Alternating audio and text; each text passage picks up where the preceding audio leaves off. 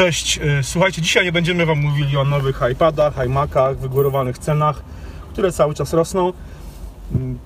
No Nie nie, nie przesadzaj, no. że tak rosną. Trochę rosną jednak mimo wszystko. Słuchajcie, pół roku temu rozpoczęliśmy wydawanie MyApp magazynu i jeszcze raz chcieliśmy Wam podziękować. E, Nigdzie, że tak powiem, e, z MyApp magazynem się nie zwijamy. Będziemy dalej wydawali, bo okazał się całkiem sporym sukcesem i chcieliśmy Tak Wam to jeszcze- można powiedzieć. tak, to można powiedzieć, że faktycznie każde wydanie e, pobierane jest od 50 do 60 tysięcy razy i to jest naprawdę całkiem nieźle jak na polski, jak na polski rynek. Słuchajcie, jutro startujemy e, z nowym projektem skierowanym trochę do Was, ale tak naprawdę o wiele, o wiele szerzej.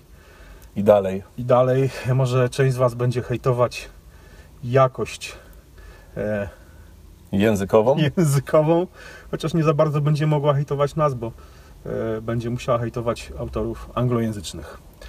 E, nie zdradzamy więcej szczegółów, pewnie, pewnie się domyślacie. W każdym razie przez ostatni miesiąc bardzo intensywnie pracowaliśmy i Jutro wszystko się wyjaśni.